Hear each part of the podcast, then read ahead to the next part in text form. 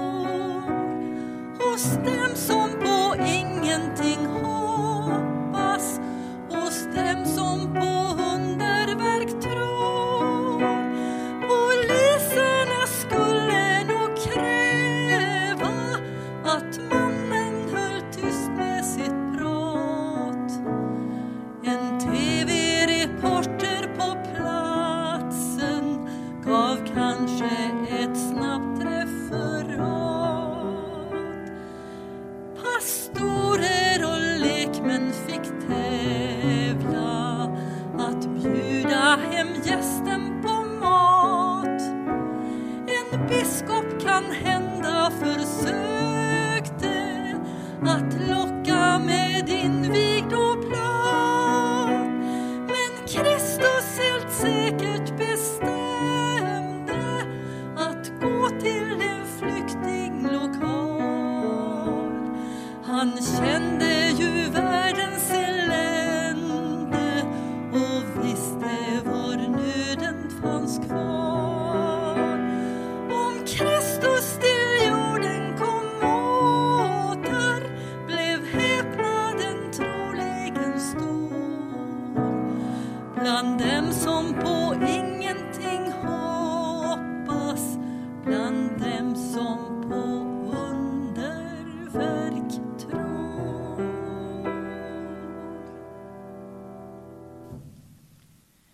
Vi ska alldeles strax få möjlighet att sjunga tillsammans. Och för dig som vill och har möjlighet finns också eh, tillfälle att skicka in en gåva till församlingens arbete. Och uppgifterna om gåvoinsändning finns på vår hemsida tabergsmissionskyrka.se. Vi sjunger nu tillsammans psalm nummer 694, Den stad Johannes såg en gång.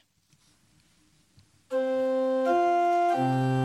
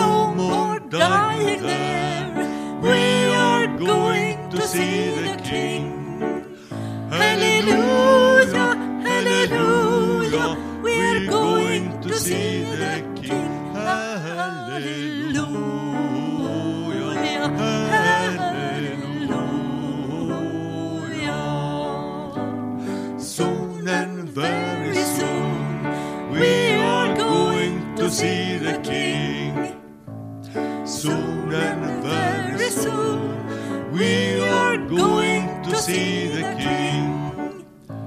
Soon and very soon we are going to see the King. Hallelujah, hallelujah, we are going to see the King. Soon and very soon we are going to see the King. Det är en klassisk gospellåt som har funnits med oss under lång tid. Jag vet inte riktigt när den eh, skrevs, men eh, det är ju en bra tag sedan. Och den är egentligen ett, en fingervisning på hur det var under 1900-talet. Då man pratar en hel del om Kristi återkomst och om den kommande domen. Genom hela kyrkans historia, alltså i, 2000 år, så har talet om Kristi återkomst och domen, alltså det har gått upp och ner i popularitet. Att predika om det och att skriva om det. Under 1900-talet så fanns det personer som med hjälp av Uppenbarelseboken och andra böcker i, i Bibeln gjorde skisser eller kartor över det som händer och försökte att hitta bitar för att se när kommer Jesus tillbaka. Medans eh, för min egen del, när jag vuxit upp ifrån 70-talet och framåt, ja, så var talet om Kristi återkomst väldigt nedtonat. Jag kommer predika idag om Kristi återkomst och försöka ge min bild och varför det berör oss idag. Men vi ber. Herre Jesus Kristus, tack att du är nära oss var vi än är i vår värld, Herre Jesus. Tack att du ser oss var och en och du ser oss med glädje. Och du vill vara med oss och ta hand om oss, Herre Jesus. Tack Jesus Kristus att du vill det. Amen. I episteltexten för eh, domsöndagen så står det då i första Korintierbrevet kapitel 15 och vers 22 till 28 så här. Liksom alla dör genom Adam så skall också alla få nytt liv genom Kristus. Men i tur och ordning. Först Kristus, och därefter vid hans ankomst det som tillhör honom. Sedan kommer slutet när han överlämnar riket åt Gud, Fadern. Då har han förintat varje välde och varje makt och kraft. Ty han måste härska tills han har lagt alla fiender under sina fötter. Den sista fienden som förintas är döden. Ty allt har han lagt under sina fötter. När det heter att allt är lagt under honom är naturligtvis den undantagen som har lagt allt under honom. Men när allt har lagts under honom skall sonen själv underordna sig den som har lagt allt under honom, så att Gud blir allt över allt. Varför Paulus tar upp frågan om Jesu ankomst, eller då återkomst är det ju, har sin grund i att det fanns flera i församlingen som inte trodde på uppståndelsen. Och vi kan se markeringen liksom i kapitel 15 där Paulus börjar argumentera om uppståndelsen. Ifrån vers 12 så står det så här. Men om det nu förkunnas att Kristus har uppstått från de döda, hur kan då några bland er säga att det inte finns någon uppståndelse från de döda? Ja, det här är ju då alltså upptakten för Paulus argumentation om att Jesus Kristus har dött och uppstått för oss. Att vi ska sedan uppstå vid hans ankomst och allt ska läggas under honom, att döden ska bli förintad och Gud blir allt överallt. Ja, det här talet om tidens slut som markeras här i Korintierbrevet och om Jesu återkomst, ja, den förekommer ju i hela Nya testamentet. Det finns någon som har räknat på detta och eh, har kommit fram till att i genomsnitt så är det faktiskt var 25 vers i Nya testamentet som det förekommer eh, talet om Jesu återkomst eller om domen. Men man kan också se det som här att, eh, att tala om Jesu återkomst och om domen är någonting som är centralt i den bibliska uppenbarelsen. Och varför ska man då tala om Jesu återkomst och domen?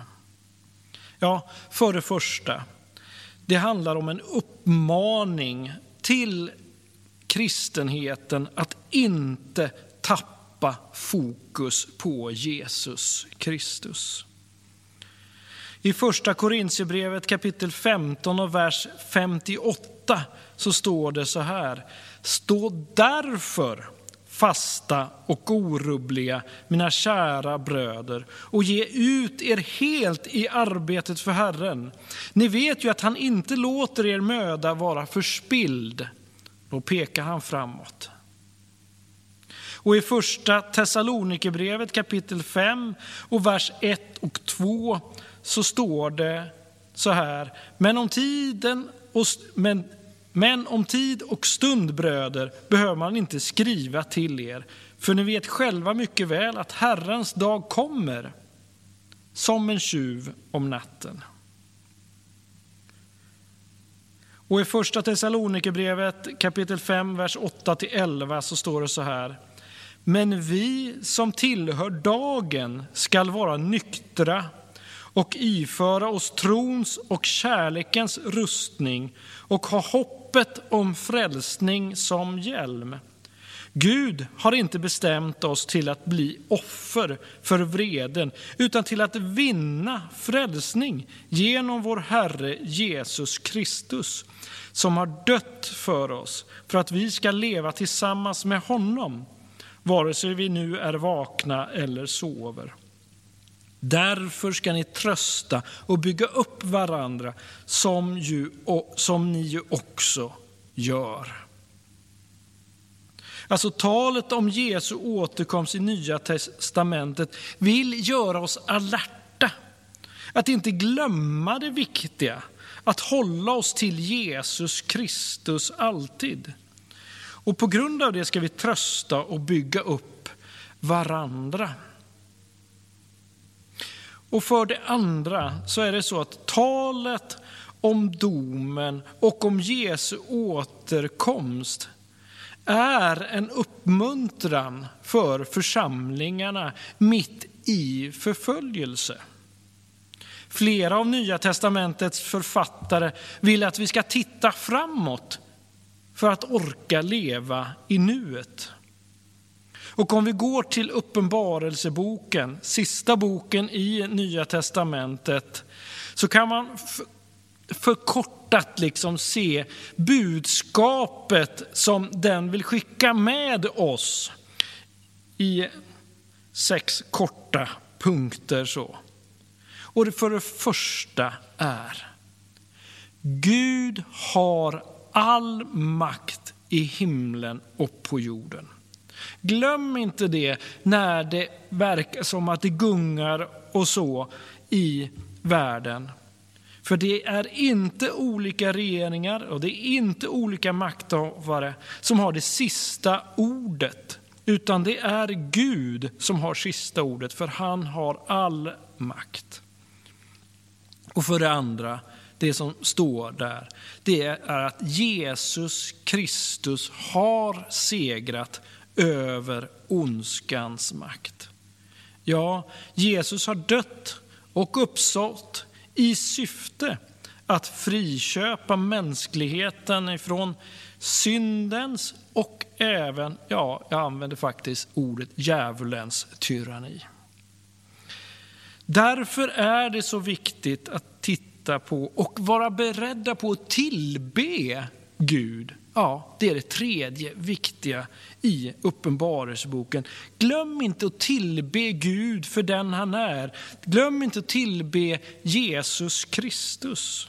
Uttryck din tacksamhet över det Gud och Jesus Kristus har gjort. För det fjärde, ja, ondskan har inte sista ordet. Det vi kan se är ju allt lidande som sker. Och bakom det lidandet finns en satanisk motbild till Gud som pressar in ondskan på olika sätt i vårt samhälle och i vår natur. Det är en ondska som tar sig uttryck i natur och miljökatastrofer. Krig, våld, dödliga sjukdomar och hungersnöd, lidande och förföljelse. Men det finns ett slut på all ondska och djävulskap. Ja, ondskan har inte sista ordet, för det finns ett evangelium. Och i Uppenbarelseboken så pratar man då om ett slaktat lamm. Och det är Jesus Kristus. Jesus Kristus som har dött för våra synder, för våra brister. Det är det som är evangelium, som gör möjligheten att vi kan komma till Gud.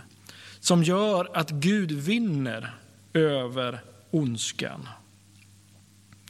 Och mitt i detta finns också ett löfte om en ny himmel och en ny jord. Det är ju alltså inte kört. Det finns någonting nytt när det här gamla förstörs.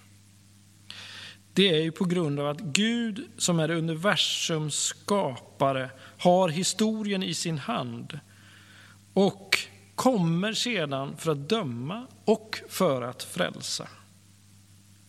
Och då handlar det för det sista del där om Uppenbarelseboken, en dom över världens synd och över den ondska som finns.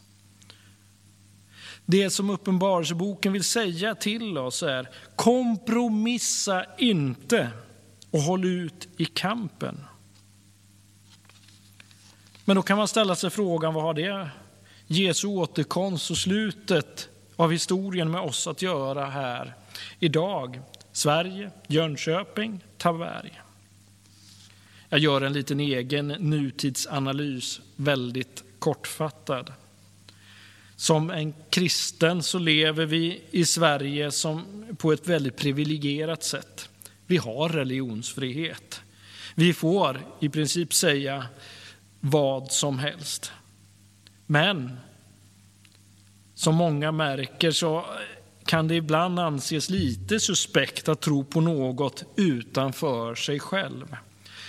Ja, tro att Gud finns och att han vill oss väl. Därför kan man se det som att det finns nästan som ett psykiskt tryck på oss att eh, nästan bli tysta. Eftersom personer som vågar stå upp för sin tro i debatter och i olika forum får i stora delar ibland få utstå ganska mycket eh, spott och spe, som man sa förr. Detta gör att många kristna blir tystna och ibland undviker att tala om sin tro och inte våga basunera ut att ja, men jag tror på Jesus Kristus, jag vågar tro på det här. Där har vi ett dilemma i Sverige. Men vi kan ju se också idag när det gäller naturen. Vår natur och miljö förstörs av oss. Av olika anledningar har uppvärmningen av jorden ökat och därför skapas det naturkatastrofer. Värmeböljorna ser man har blivit fler. Havsytan stiger och det finns flera länder som är i farozonen för att deras markyta ska bli mindre. Ekosystemet förändras, skördar minskas och områden blir obeboeliga. Och mycket av de här sakerna leder ju till att det blir flyktingar som flyr och det blir flyktingkatastrofer. I och med flyktingkatastrofer så kan det bli mycket osämja mellan olika folkslag och människor. Sen har vi ju i vår del här av världen där vi har detta jag först. I vår tid så ser länder på varandra med ett misstänksamt öga. Man tror att den andre vill, vill dens land illa. Därför stänger vi in oss. Det saknas solidaritet med den fattige och sjuke. Ja, de kan vi ha där borta. Och sen är det ju så att vi har en global pandemi där ung som gammal drabbas av covid-19. Det är oberoende på av religion. Men det som får det värst är ofta den fattige. Och när man har det här i ryggen så kan man ju då tänka sig att nu borde ju Jesus komma tillbaka snart. Mycket av det här som händer kan vi faktiskt på ett sätt läsa in i, i vår läsning av Uppenbarelseboken, precis som man gjorde på 1900-talet. Vi har krig, det talas om hungersnöd, det är svält och det är död och det är pest och förföljelse. Men samtidigt så är det ju så att det står i en vers, men tiden och stunden vet vi inte när Jesus ska komma tillbaka. Och vi kan nog lika lite förespå Jesu återkomst som, som det judiska folket på Gamla testamentets tid klarade av att förutspå när Messias skulle komma. När Messias, eller vart han skulle vara och från vem han skulle, vart, ja, hela, hela det kittet. Vi är i samma läge. Vi kan inte riktigt veta. Det vi ser idag med saker som är problematiska kunde även de första mottagarna av Uppenbarelseboken se. De första mottagarna var de sju församlingarna som var adresserade. De här levde under ett stort tryck från de styrande i Rom. Det var, sa de något fel kunde de bli dödade.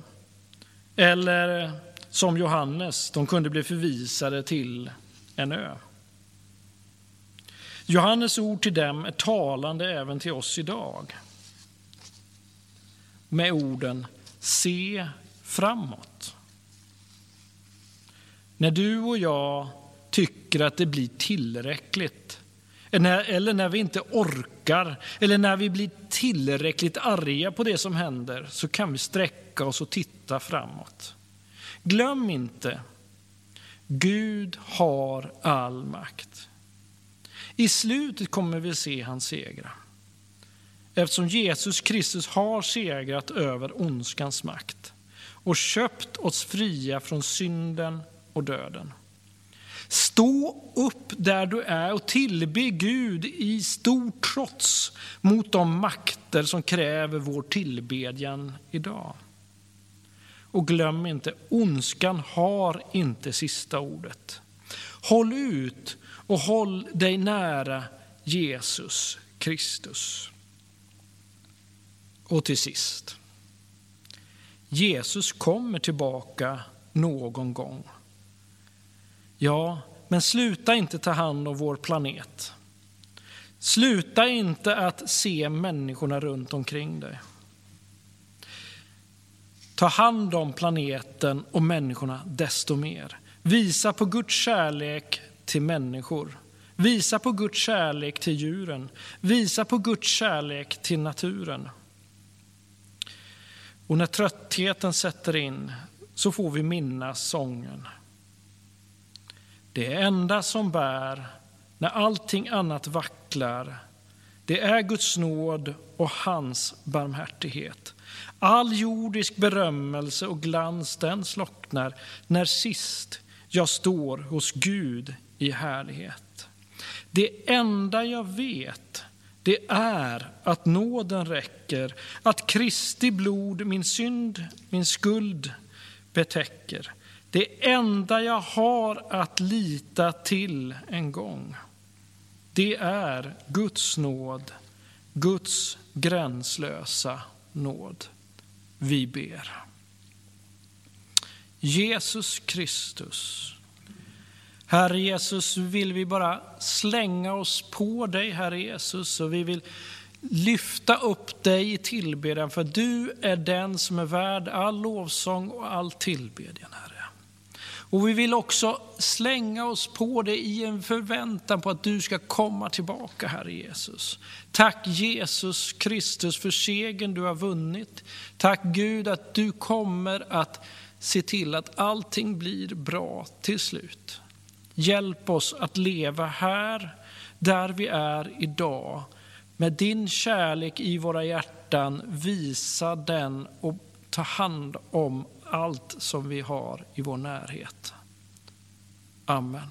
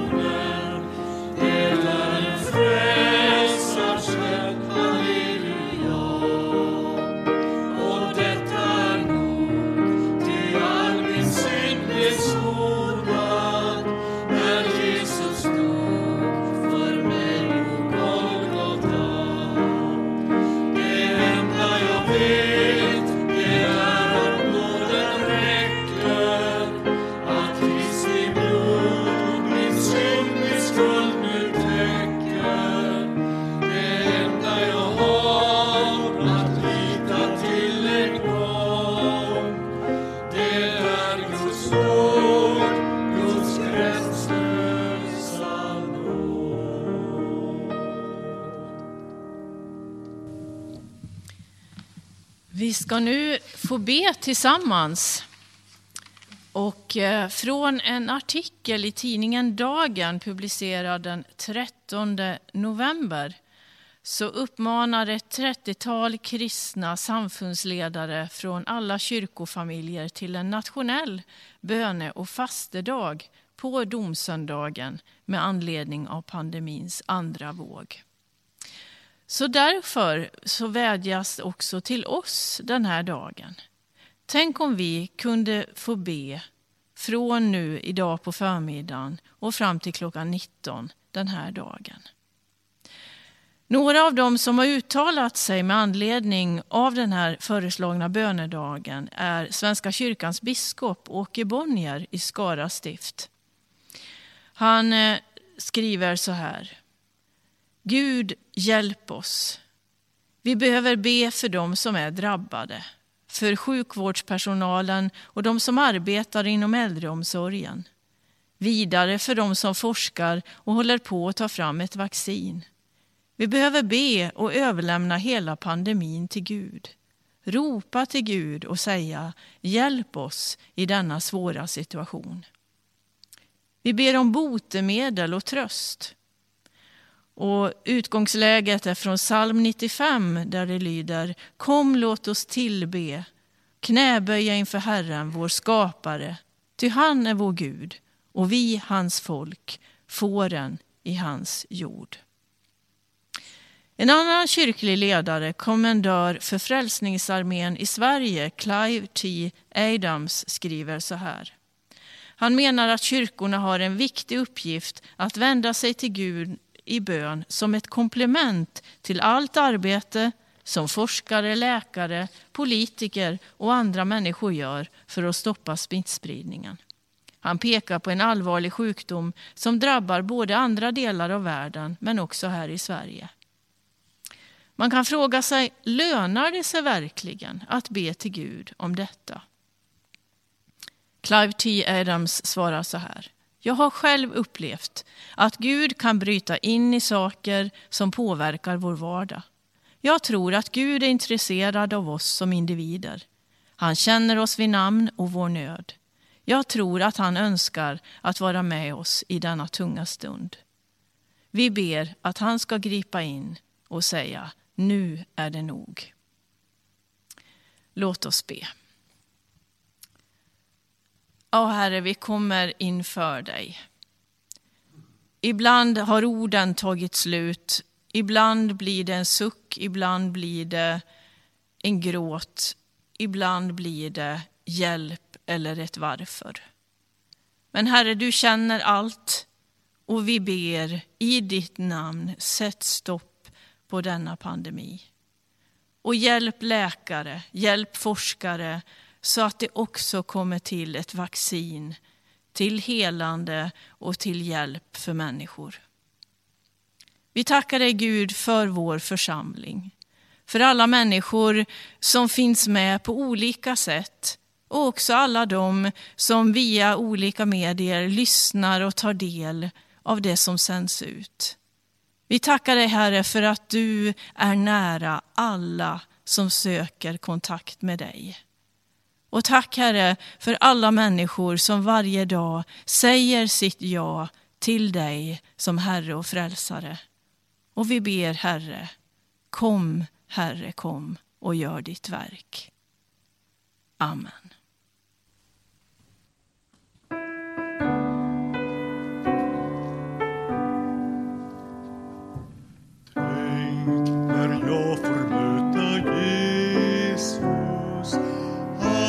Ansikte mot